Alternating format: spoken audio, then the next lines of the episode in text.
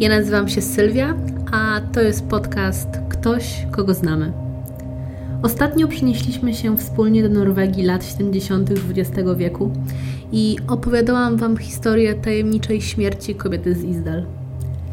Dzisiaj wsiadamy do magicznego wehikułu czasu i ruszamy w przyszłość o całe 25 lat. Jest rok 1995, a my wciąż znajdujemy się w Norwegii, chociaż przenieśliśmy się z Bergen do stolicy, czyli do Oslo. 3 czerwca 1995 roku. Młoda kobieta zostaje znaleziona martwa w hotelu Plaza w Oslo w Norwegii. Kim była i co jej się przytrafiło? Tego właśnie spróbujemy się wspólnie dowiedzieć. Najpierw opowiem Wam to, co ustalili śledczy oraz to, co wiedzą właściwie wszyscy, którzy mniej więcej prześledzili tą historię, a następnie skupimy się na teoriach, co tak naprawdę się stało. Zacznijmy więc od miejsca, gdzie oba kobieta została znaleziona. Radisson Blue Plaza Hotel, znany też lokalnie jako Oslo Plaza, znajduje się w samym centrum Oslo. Ma 117 metrów wysokości i wciąż jest drugim co do wysokości budynkiem w Norwegii. Budynek został ukończony w 1989 roku, a hotel został oficjalnie otwarty 14 marca 1990 roku przez króla Norwegii Olafa V. Hotel został odnowiony co prawda w 2012 roku, jednak jego kształt nie różni się specjalnie od e, tego, jak wyglądał w latach 90. Hotel ma 37 pięter i 673 pokoje łącznie 1500 miejsc noclegowych, 140 pokoi biznesowych i 20 apartamentów. Młoda kobieta pojawiła się w hotelu Plaza 31 maja 1995 roku. Miała krótkie czarne włosy i niebieskie oczy. Kilka dni wcześniej telefonicznie zarezerwowała tam pokój. W recepcji przedstawiła się jako Jennifer Fergate, 21-latka pochodząca z niewielkiej miejscowości w Belgii, Verlaine miał towarzyszyć jej mąż, Louis. Para otrzymała pokój mieszczący się na 28 piętrze o numerze 2805. Nigdy nie udało się co prawda ustalić, czy kobiecie faktycznie towarzyszył mąż, ani czy naprawdę była zamężna. Różni świadkowie mieli odmienne wersje tego, co widzieli przy hotelowym lobby pierwszego dnia pobytu kobiety. Oczywiście byli tacy, którzy twierdzili, że Jennifer Fergate stała przy recepcji z mężczyzną, z którym na pierwszy rzut oka łączyła ją zażyła relacja. Inni natomiast twierdzą, że widzieli ją tam samą. Pojawiły się też osoby, które twierdziły, że zauważyły ją rozmawiającą z innym mężczyzną niż ten wcześniej wspomniany, ale wydawało się, iż była to pogawędka dwójki nieznajomych osób. Pobyt kobiety w hotelu był zaplanowany do 3 czerwca. Co ważne i zarazem intrygujące, młoda kobieta nie pokazała żadnych dokumentów potwierdzających jej tożsamość. Nie podała również karty bankowej. Ta okoliczność budzi szczególnie wiele wątpliwości, gdyż w hotelach zawsze przestrzega się pewnych procedur. Warto też zaznaczyć, że Oslo Plaza była w tamtym czasie jednym z najbardziej luksusowych hoteli w Norwegii zjeżdżały się do niego największe osobistości z całego świata. Członkowie rodzin królewskich, gwiazdy światowej sceny muzycznej, gwiazdy srebrnego ekranu. Dlaczego więc w tym przypadku zrobiono wyjątek? Czy było to przypadkowe pominięcie tej procedury, czy też celowe i z góry zaplanowane działanie personelu? Tego do dzisiaj nie wiemy.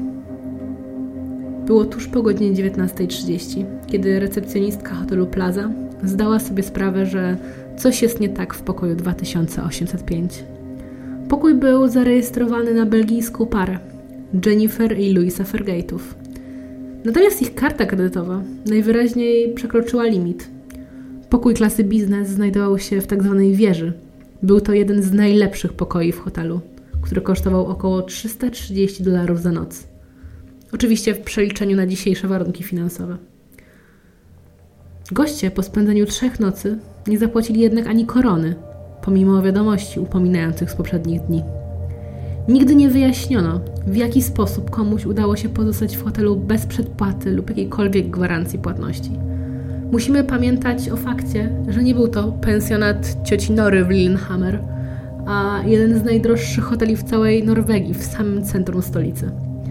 Niektórzy świadkowie zwrócili uwagę na brak staranności niektórych pracowników. Jednakże, mając na względzie pewne z góry ustalone procedury, taka sytuacja nie powinna mieć miejsca. Recepcjonistka, postępując zgodnie z procedurą, postanowiła wysłać do pokoju 2805 wiadomość przez ekran telewizora, jednocześnie prosząc osoby znajdujące się w pokoju o skontaktowanie się z recepcją. Ten system przekazywania wiadomości działał w taki sposób, że recepcja mogła przesłać dowolną wiadomość na ekran telewizora w pokoju hotelowym, a gość potwierdzał odbiór tej wiadomości poprzez kliknięcia przycisku OK na pilocie. Recepcjonistka skonsultowała dziwną sytuację z innymi pracownikami hotelu i odkryła, że pokój nie był sprzątany od czwartku, a na drzwiach wisiała kartka hotelowa z informacją nie przeszkadzać. Nikt z pokoju nie skontaktował się z recepcją, dlatego też pracownica postanowiła wezwać ochronę i wkrótce do pokoju 2805 przybył ochroniarz. Gdy zapukał do drzwi, z wnętrza dobiegł huk i echo, a ochroniarz zorientował się, że był to strzał z broni palnej. Ochroniarz przestraszył się i ukrył w małej wnęce na korytarzu. Obawiał się, że jeden z mieszkańców pokoju był uzbrojony i otworzył ogień do drugiego. Jednak nie przekazał od razu żadnej z tych informacji innym pracownikom, mimo że był przekonany, że w budynku odbywała się strzelanina.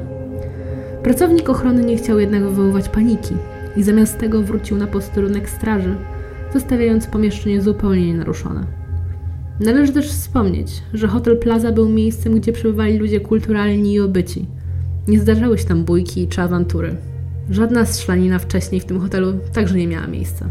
Po przybyciu pracownika ochrony na posterunek straży został zaalarmowany szef ochrony, który natychmiast zawiadomił policję. Przełożony próbował uzyskać odpowiedź od mieszkańców pokoju przy drzwiach. Zadawał pytania, jednak nie uzyskał żadnej odpowiedzi. Otworzył drzwi, które były zamknięte na podwójny zamek od wewnątrz, co oznaczało, że drzwi zostały zamknięte od środka, a jedyną możliwością otwarcia tych drzwi od zewnątrz było użycie karty należącej do ochrony. Taki, wiecie, złoty klucz, który otwiera wszystkie drzwi w danym hotelu. Prawdopodobnie robi się to ze względu bezpieczeństwa na wypadek jakiegoś wypadku, gdyby ktoś zasłabł, zachorował, potrzebował pomocy, nie był w stanie dojść do drzwi, a sam je zamknął. Wchodząc do środka, od razu uderzył go ostry zapach, który potem sam określił jako zapach śmierci. Prawdopodobnie mogło to oznaczać zapach krwi i płynów ustrojowych. W środku panowała ciemność, ale w blasku z korytarza na łóżku mógł dostrzec postać kobiety w pozycji, która od razu wydała mu się nienaturalna. Ochroniarz zdał sobie sprawę, że kobieta nie żyje. Dlatego też wyszedł i czekał na przybycie policji na korytarzu, żeby nie zacierać żadnych śladów. Było około 20.05. Policja przyjechała 50 minut później, czyli około godziny 21. Podczas przeprowadzenia czynności dochodzeniowych policja stwierdziła, że ofiara odniosła potężną ranę postrzałową w głowę, która bez wątpienia zabiła ją właściwie natychmiast. Na ścianie pokoju i na łóżku pojawił się znaczny rozprysk krwi. Nie było różnych oznak obecności nikogo innego. Broń została uznana za Browninga 9 mm i wciąż spoczywała w rękach kobiety. Broń była umieszczona dość nietypowo, z kciukiem na spuście. Nie jest to naturalne ułożenie dłoni na broni, ponieważ właściwie uniemożliwia oddanie celnego strzału. Wystrzelono dwa razy. Raz w poduszkę, jako strzał próbny, a następnie w głowę kobiety. Podczas gdy policjanci przeczesywali pomieszczenie w poszukiwaniu wskazówek i innych oświadczeń, miejsce znalezienia zwłok wydawało się być miejscem tragicznego samobójstwa. W pokoju znajdowały się obie karty dostępu. Okno było otwarte, ale jednak sami musicie przyznać, że 28 pięter nad ziemią prawdopodobnie nie było punktem wejścia lub wyjścia. Takie sytuacje zdarzają się co najwyżej w filmach szpiegowskich. Wszystkie kolejne raporty były zgodne. Kobieta popełniła samobójstwo. Wewnętrzny raport hotelu stwierdził, że było 99,9% pewności, że odebrała sobie życie.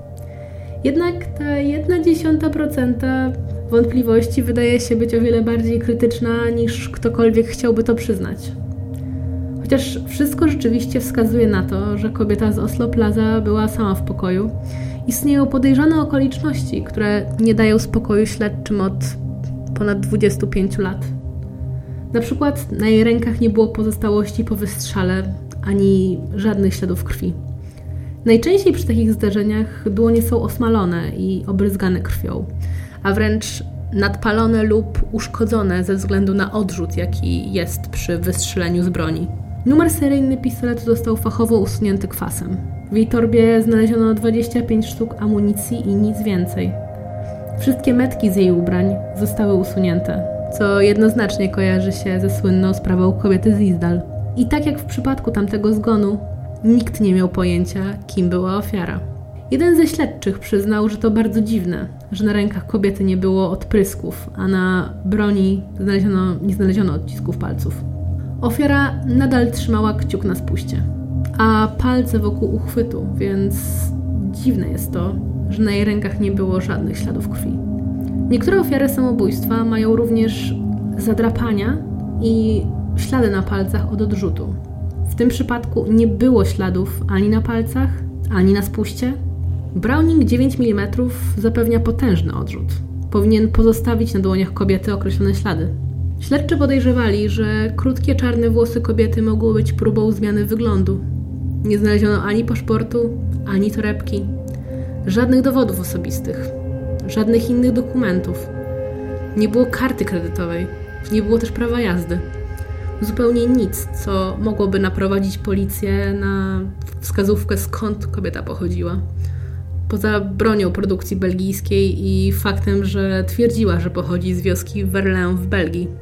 Ulica, którą podała kobieta podczas meldowania się w hotelu, istnieje. Dziennikarz, którego śledztwo zostało pokazane w dokumencie Netflixa Niewyjaśnione tajemnice, odwiedził tę wioskę. Nikt nie kojarzył Jennifer Fargate. Nikt jej też nie rozpoznał na zdjęciach, które pokazywał dziennikarz. Jednak połączenie z Belgią zostało wzmocnione dzięki zapisom rozmów telefonicznych, ponieważ podczas swojego pobytu kobieta dwukrotnie próbowała wykonać połączenia na nieprawidłowe numery, które jednak były podobne do numerów a, sąsiednich gmin Verlin. Co prawda ulica, którą podała kobieta istnieje, ale sama podała numer 114 jako numer y, domu, w którym mieszka. Jednak numeracja tej ulicy kończy się na numerze 100, więc ten adres tak trochę istnieje, ale trochę nie istnieje.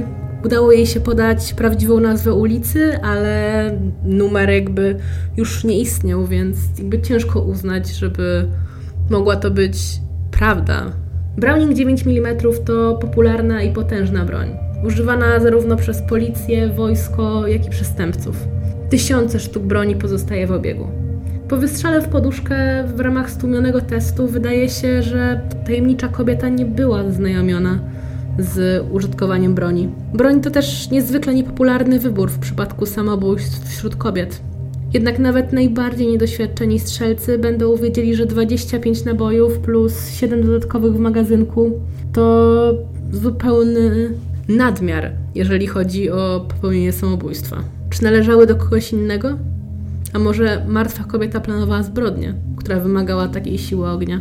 Co ciekawe, nie znaleziono odcisków palców na pistolecie ani na magazynku. Specjaliści w zakresie kryminalistyki słusznie zauważyli, że na dłoniach kobiety powinny widnieć ślady krwi, a niczego takiego nie zabezpieczono. Kobieta nie byłaby w stanie zetrzeć ich po śmierci, więc ktoś musiał oczyścić broń za nią, co sugeruje, że jeszcze ktoś mógł być w pokoju. Ta osoba mogła usiąść na niej, zasłonić usta i przystawić broń do głowy.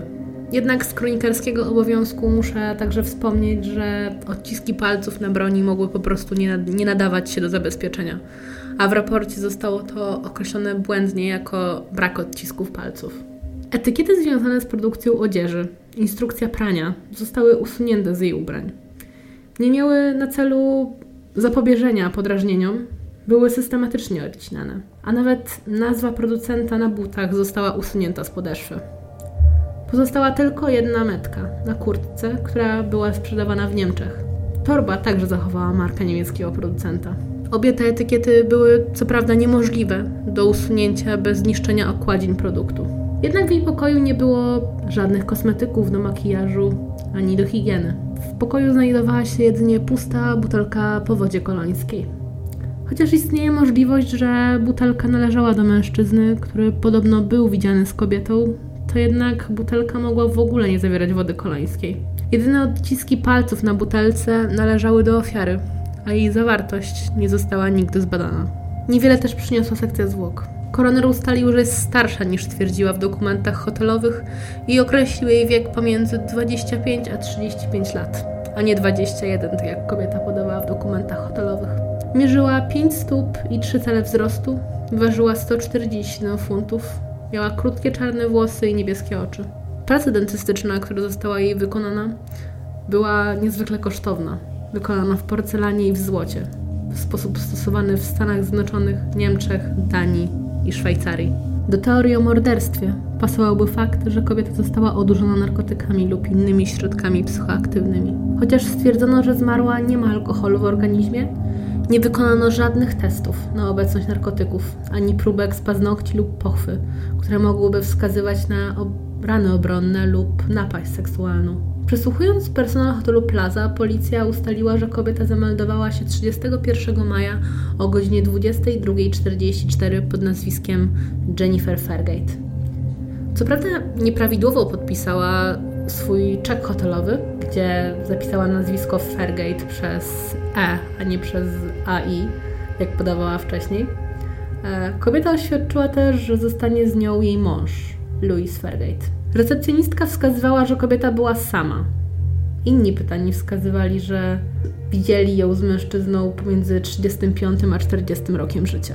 Podczas dokonywania wstępnej rezerwacji mówiła w języku angielskim. Dzwoniąc w celu potwierdzenia, mówiła po niemiecku. Śledczy odkryli, że przeważnie przebywała w swoim pokoju przez cały swój pobyt, z wyjątkiem wczesnych godzin porannych od 1 czerwca do 2 czerwca, kiedy pozostawała pod domem między 12.34 a 8.50. Nigdy nie udało się ustalić, co robiła w środku nocy i na początku następnego dnia. Pokojówka w hotelu wspomniała, że podczas tego okresu nieobecności widziała ładną parę butów w szafie w pokoju 2805 i stwierdziła także, że nie było już ich, kiedy policja przeszukiwała wnętrze. Rzeczywiście w pokoju mogło brakować znacznej części garderoby Jennifer, ponieważ miała bardzo szczególny asortyment ubrań. Obejmował on cztery kurtki, ale tylko jedną bluzkę. Miała jeden sweter, nie miała spodni ani spódnic. Miała spodenki od piżamy, rajstopy i cztery staniki, ale nie posiadała majtek. Prawdopodobnie też ubrania nie zmieściłyby się w torbie, którą znaleziono w pokoju. Świadek poinformował, że Jennifer przybyła do hotelu Plaza z walizką na kółkach i ubrana w marynarkę ze spódnicą, co doprowadziło go do wniosku, że ofiara była steward stewardessą, ponieważ była typowo ubrana dla brytyjskich linii lotniczych, co też pozwoliło na wyciągnięcie wniosku przez świadka, że była stewardessą British Airways. W pokoju nie było jednak ani walizki, ani spódnicy. Policja miała kilka teorii na temat tego, kim może być Jennifer. Łącznie z teorią o zaginionej żonie e, bossa mafii. Jednak ta teoria została szybko obalona. Inni uważali, że może to być sprawa kartelu narkotykowego, a niektórzy podejrzewali rękę służb wywiadowczych lub nawet to, że kobieta była płatnym mordercą. Jednak wszystkie te pomysły zostały szybko zniweczone i 26 czerwca 1996 roku kobieta z Oslo została pochowana w anonimowym grobie na cmentarzu w Oslo. Zaledwie dwa miesiące później policja nakazała zniszczenie lub sprzedaż wszystkich dowodów, w tym odzieży i biżuterii, bagażu, a nawet broni. Wydaje się to być dziwną praktyką, mając na względzie tak podejrzane okoliczności zgonu, mimo że oficjalnie uznano, że było to samobójstwo. Jak później się okazało, broń została uratowana przez Wydział Kryminalistyki Policji, który chciał pokazać broń, na której widać było ślady usunięcia jej oznaczeń kwasem. Broń została odnaleziona przez norweską gazetę o wdzięcznym tytule w tłumaczeniu na język polski Bieg Świata w 2017 roku. W trakcie nowego śledztwa prowadzonego przez dziennikarza, o którym wspominałam wcześniej, który nazywał się Lars Christian Wegner, eksperci, którzy skontaktowali się z Wegnerem po odkryciu, zasugerowali, że broń nie była w ogóle autentycznym Browningiem 9 mm. A podejrzewali, że była w rzeczywistości węgierską kopią złożoną z różnych części. I choć co prawda lufa była oryginalna, Reszta broni prawdopodobnie była złożona z starszych części niż sugerowała data produkcji z początku lat 90. Późniejsze dochodzenia Wegnera ujawniły kolejny intrygujący czynnik, a mianowicie obecność mężczyzny, który przebywał w pokoju 2804. Znany jest on publicznie tylko jako pan F. Mężczyzna był Belgiem i o 20.06 w dniu śmierci Jennifer Fergate kazała zabrać do swojego pokoju jedzenie. Hot bites z bratwurst i sałatkę ziemniaczaną. Kierowniczka obsługi pokoju przyniosła jedzenie, ale najwyraźniej otrzymała zły numer, zabierając jedzenie do 2804 zamiast do 2805. Co prawda był to pokój po drugiej stronie korytarza, więc łatwo było o popełnienie pomyłki. Pokój 2804 zajmował pan F. Błąd został wyjaśniony, a jedzenie dostarczone tajemniczej kobiecie naprzeciwko. Została zapamiętana, ponieważ dała ogromny napiwek w wysokości 50 koron. Śledczy, którzy badali miejsce zbrodni, odkryli, że większość jedzenia w pomieszczeniu była właściwie nietknięta. Kobieta zjadła niewiele, mimo że pozornie był to ostatni posiłek jej życia. Błąd, o którym wcześniej mówiłam, pomiędzy pokojem 2804 a 2805 jest interesujący, ponieważ służy tak naprawdę do powiadomienia pokoju 2805 o tym, że w 2804 ktoś się znajduje. I chociaż ten błąd można z łatwością zlekceważyć, to policja znalazła również gazetę USA Today w pokoju zmarłej kobiety. Te gazety były dostępne na życzenie dla każdego gościa w hotelu. Tyle, że nie dotyczyło to ani pokoju 2804, ani 2805. W rzeczywistości była to gazeta, która była przeznaczona dla pokoju 2816. Kolejny błąd, czy też kobieta szpiegowała innych mieszkańców hotelu i wchodziła do ich pokoi? Odcisk palca został odzyskany z torby zawierającej gazetę i został przysłany do Interpolu.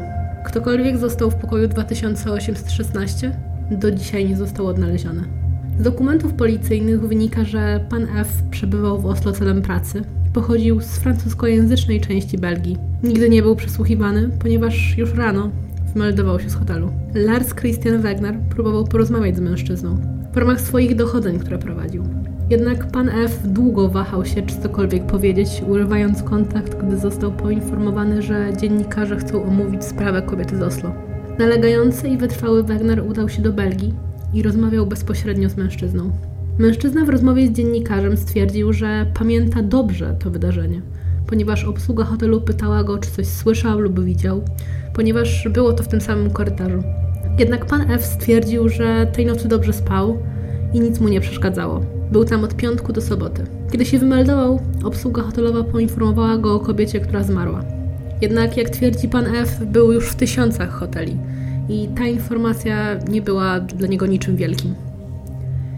Jednakże, biorąc pod uwagę samobójstwo, które się wydarzyło wieczorem, nie ma możliwości, aby recepcja mogła poinformować pana F o śmierci, która jeszcze nie nastąpiła. Śledczy pobrali próbki DNA zarówno z zębów, jak i z kości kobiety.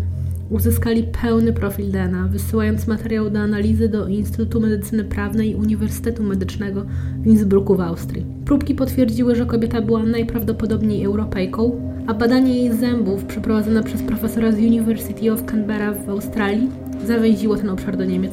Jednak dalsza analiza, tym razem przeprowadzona przez profesora Druida w Sztokholmie, sugeruje, że kobieta urodziła się w roku 1971, co oznacza, że w chwili śmierci miała 24 lata. Z niewielkim marginesem błędu, niewiele ponad rok. Uzyskane informacje są powiązane z niewielkimi dowodami znalezionymi w pokoju.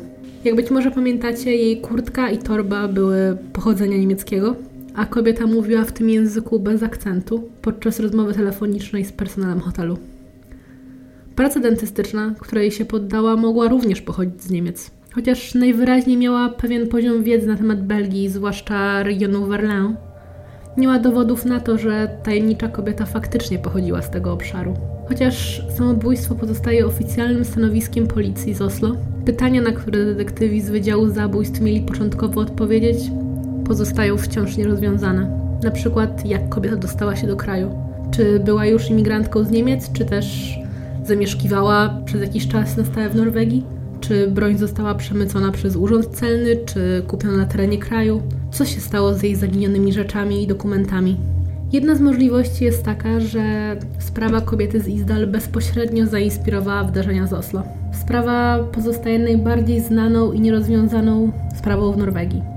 Koncentrując się na tajemniczej kobiecie, która zmarła po podpaleniu się w Bergen w 1970 roku. Policja uznała wówczas sprawę za samobójstwo. Jednak szczegóły takie jak brakujące metki ubrań sprawiły, że tajemnica wciąż pozostała. Ani policji, ani opinii publicznej nie udało się nigdy zidentyfikować kobiety. Sprawa była z pewnością uznana w roku 1995 i możliwe, że ktoś chcąc zachować anonimowość mógł czerpać inspiracje z udanych metod stosowanych przez kobietę z Izdal. Podobnie jak Jennifer, kobieta z Izdal konsekwentnie podawała obywatelstwo Belgii, kiedy w rzeczywistości była Niemką i prawdopodobnie wychowywała się we francuskojęzycznej Belgii. Kobieta z Oslo miała drogie złoto i porcelanę na zębach, podczas gdy kobieta z Izdal miała również wyjątkowo starannie wykonane złote zęby. Czy to możliwe, że kobieta z pokoju 2805 celowo próbowała sprawić, by jej własne samobójstwo było echem śmierci kobiety z Izdal? Gdyby próbowała stworzyć te fałszywe echa, wyjaśniałoby to nieudane wezwania do Belgii i proste błędy w owych połączeniach. W sprawie kobiety z Izdal policja ostatecznie znalazła jej rzeczy w dwóch walizkach na stacji kolejowej w Bergen. Jeśli kobieta z Oslo rzeczywiście była jej naśladowcą, wydaje się prawdopodobne, że walizka zaginiona w hotelu prawdopodobnie mogłaby odnaleźć się w pobliżu dworca kolejowego w Oslo, który znajduje się na widoku z hotelu. Pierwotne echa mogłyby być większe. Mogła również podróżować do Bergen w ciągu 20 godzin, podczas których nie było jej w hotelu. Bergen to zaledwie 7 godzin pociągiem z Oslo. Samobójstwa naśladowców są znane jako efekt Wertera. Definiuje się to jako powielanie metodologii samobójstwa na podstawie publicznej wiedzy o pierwotnym akcie. Wiedza ta może pochodzić z osobistych doświadczeń lub lokalnych informacji, także przedstawień w wiadomościach lub relacjach, w książkach, w telewizji, w filmie. Większość przypadków ma miejsce w krótkim czasie od pierwotnej śmierci, jednak nie zawsze. Czasami zdarzają się naśladowcy, którzy popełniają podobne samobójstwa nawet po upływie kilkudziesięciu lat. Efekt Wertera jest pojęciem, które oznacza wzrost samobójstw spowodowany nagłośnieniem w mediach samobójstwa znanej osoby. Informacje o samobójstwach oraz ich opisy zamieszczone w mediach mogą powodować naśladownictwo. Sam efekt Wertera jest związany z tak zwanym konformizmem informacyjnym.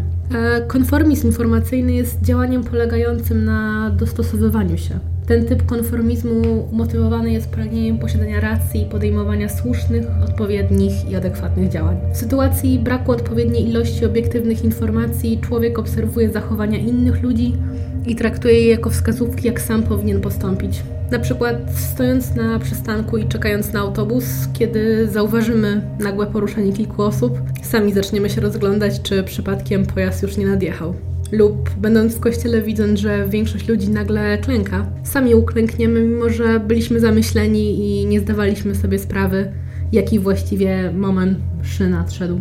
Podobnie jak w wielu przypadkach z tajemniczymi elementami i niezidentyfikowanymi ciałami, widmo szpiegostwa zostało podniesione dość wcześnie, a policja podobno nawet rozważała ten pomysł jednak ostatecznie go odrzuciła. Teoria ta jest również rozpowszechniona we wcześniej wspomnianym przeze mnie przypadku kobiety z Izdal. Usunięcie metek z odzieży znacznie utrudnia jej śledzenie, a brak jakichkolwiek dokumentów identyfikacyjnych skutecznie utrudnia określenie tożsamości Wiele z tych teorii nie rozumie, jak faktycznie e, działają służby bezpieczeństwa i opiera się na zimnowojennej fikcji, a nie samych faktach. Pod przykrywką agenci zawsze gwarantują to, że ich historia jest szczelna a nie jawnie fałszywa, jak w przypadku Jennifer Fairgate. Zapewniliby z pewnością to, że zapłaciliby za pokój, żeby nie wzbudzać podejrzeń. I wreszcie, gdyby agent zginął w wyniku operacji, która mogłaby wywołać międzynarodowy skandal, nie zostałby wyparty i pozostawiony samemu sobie, a służby skutecznie zajęłyby się tym przypadkiem. Chociaż sama gazeta z pokoju 2816, o której mówiłam wcześniej, może wydawać się podejrzana, to jest to sprzeczne z przekonaniem, że zabójca był na tyle dokładny, że morderstwo wyglądało jak samobójstwo. Chociaż zachowanie i oświadczenia pana F jest również podejrzane, może on po prostu obawiać się powiązania z potencjalnym przestępstwem lub mieć własne powody, dla których nie chce być łączony z tą sprawą. W końcu też jedna z teorii głosi, że Jennifer Fairgate była eskortą wysokiej klasy. Biorąc pod uwagę ilość amunicji, jaką miała kobieta, istnieje możliwość, że sama planowała zabójstwo z nieznanych nam powodów. Mogło to być działanie przeciwko pojedynczej osobie lub nawet wielu. Zły stan broni i próba strzału w poduszkę zdają się nie uwzględniać profesjonalnego działania, a ewentualne morderstwo mogło być sprawą osobistą. Najbardziej prawdopodobnym wyjaśnieniem jest jednak to, że sprawa była rzeczywiście samobójstwem. Gdyby tajemnicza kobieta przebywała w kraju przez jakiś czas, zdobycie broni nie stanowiłoby dla niej problemu. Chociaż użycie takiej broni w samobójstwie jest tradycyjnie męskie, to butelka po wodzie kolońskiej i krótkie włosy kobiety mogą sugerować, że kobieta z Oslo była ciekawa tej płci lub wykazywała niektóre cechy męskie. Ciekawostką jest to, że podczas gdy Louis to męskie imię w języku francuskim, to w języku angielskim Louis jest imieniem damskim, a samo Fergate to angielskie nazwisko. Kobieta zadbała o to, żeby jej tożsamość nigdy nie została poznana. Mogła wierzyć w to, że jej rodzina łatwiej przyjmie informacje o zaginięciu niż o samobójstwie. Być może inspirowała się słynną sprawą kobiety z Izdal. Wycięła metki ze swoich ubrań i zaczęła wyrzucać swoje rzeczy poza pokojem. Zastrzeliła się, gdy ochrona zapukała do drzwi. Teraz celem uporządkowania informacji, które opowiedziałam wcześniej, przedstawię Wam oś czasu wydarzeń, żeby uporządkować te wydarzenia przed tym, jak przejdziemy do analizowania teorii, które traktują o tym, co faktycznie wydarzyło się 3 czerwca 1995 roku. Środa, 31 maja 1995 roku. Kobieta dzwoni do hotelu Radisson Blue Plaza, aby poinformować, że chce zameldować tego, tego dnia dwie osoby i mówi, że zjawią się niebawem. Środa, 31 maja, godzina 22.44. Kobieta po raz pierwszy wchodzi do swojego pokoju. Czwartek, 1 czerwca, godzina 8.34. Zostaje użyty klucz na kartę. Czwartek, 1 czerwca, godzina 12.50. Pokój zostaje posprzątany.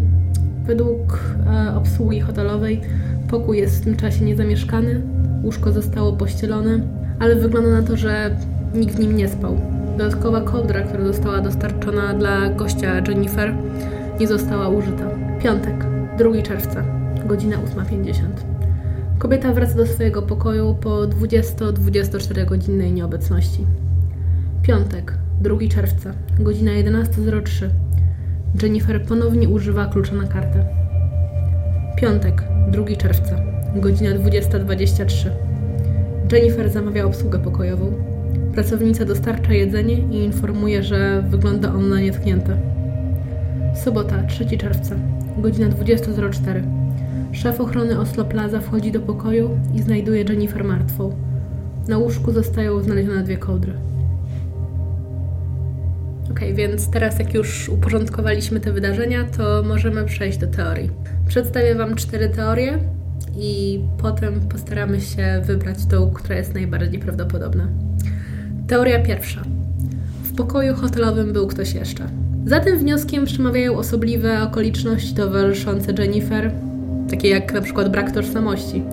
Wszystkie metki z jej ubrań, z wyjątkiem jednej szarej marynarki i torby, zostały odcięte nie miała przy sobie ani paszportu, ani portfela, kart kredytowych, kluczyków do samochodu, ani nic, co mogłoby sugerować w jakikolwiek sposób jej tożsamość. 24 godziny przed śmiercią dała obsłudze 50 koron na piwku. To sugeruje, że musiała mieć przy sobie gotówkę.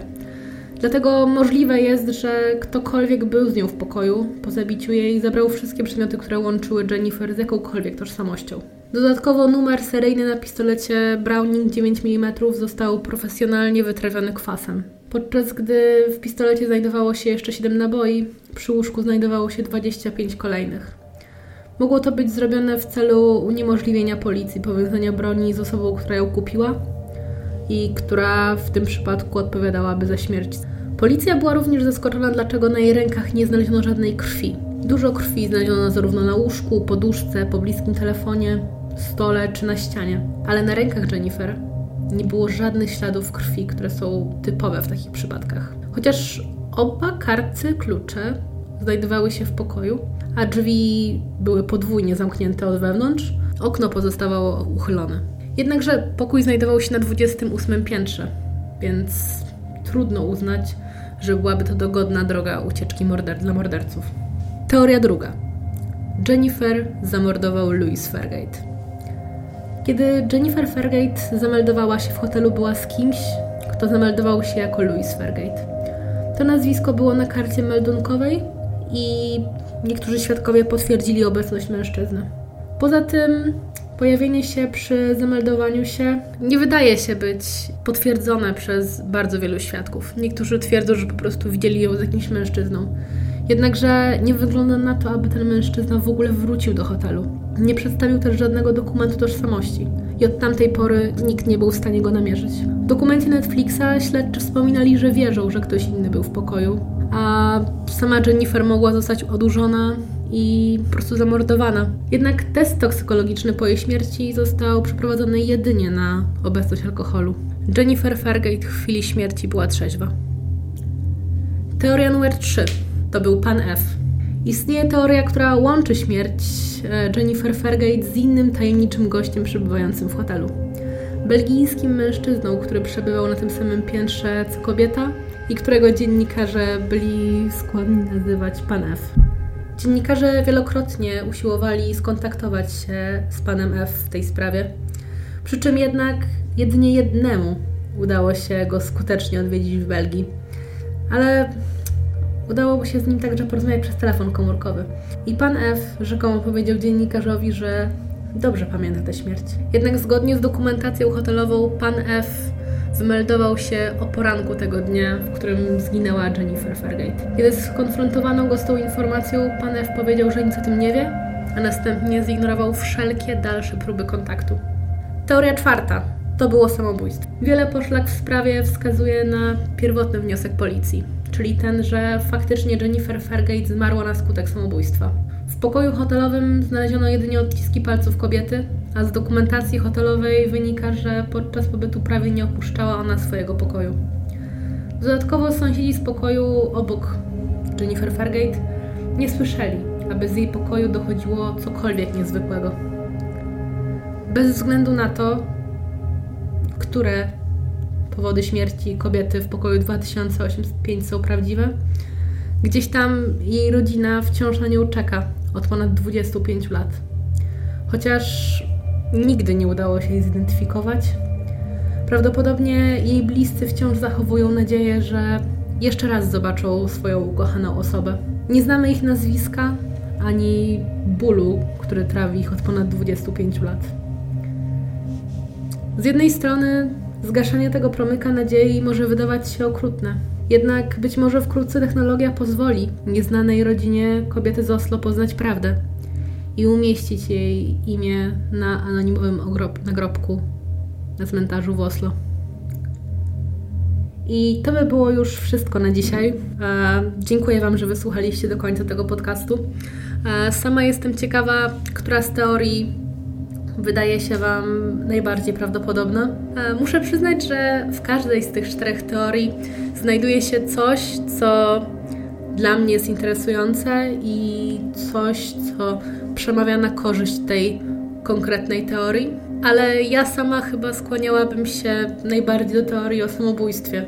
Niestety wydaje się po prostu, że przypadek Jennifer Fairgate, mimo że pozornie tajemniczy, mógł być tragicznym wydarzeniem w życiu tej kobiety, efektem wielu wydarzeń, które doprowadziły do samobójstwa. Dajcie mi znać w komentarzach, e, co Wy o tym myślicie i która teoria wydaje się być Wam najbardziej prawdopodobna. A my słyszymy się już niebawem ponownie.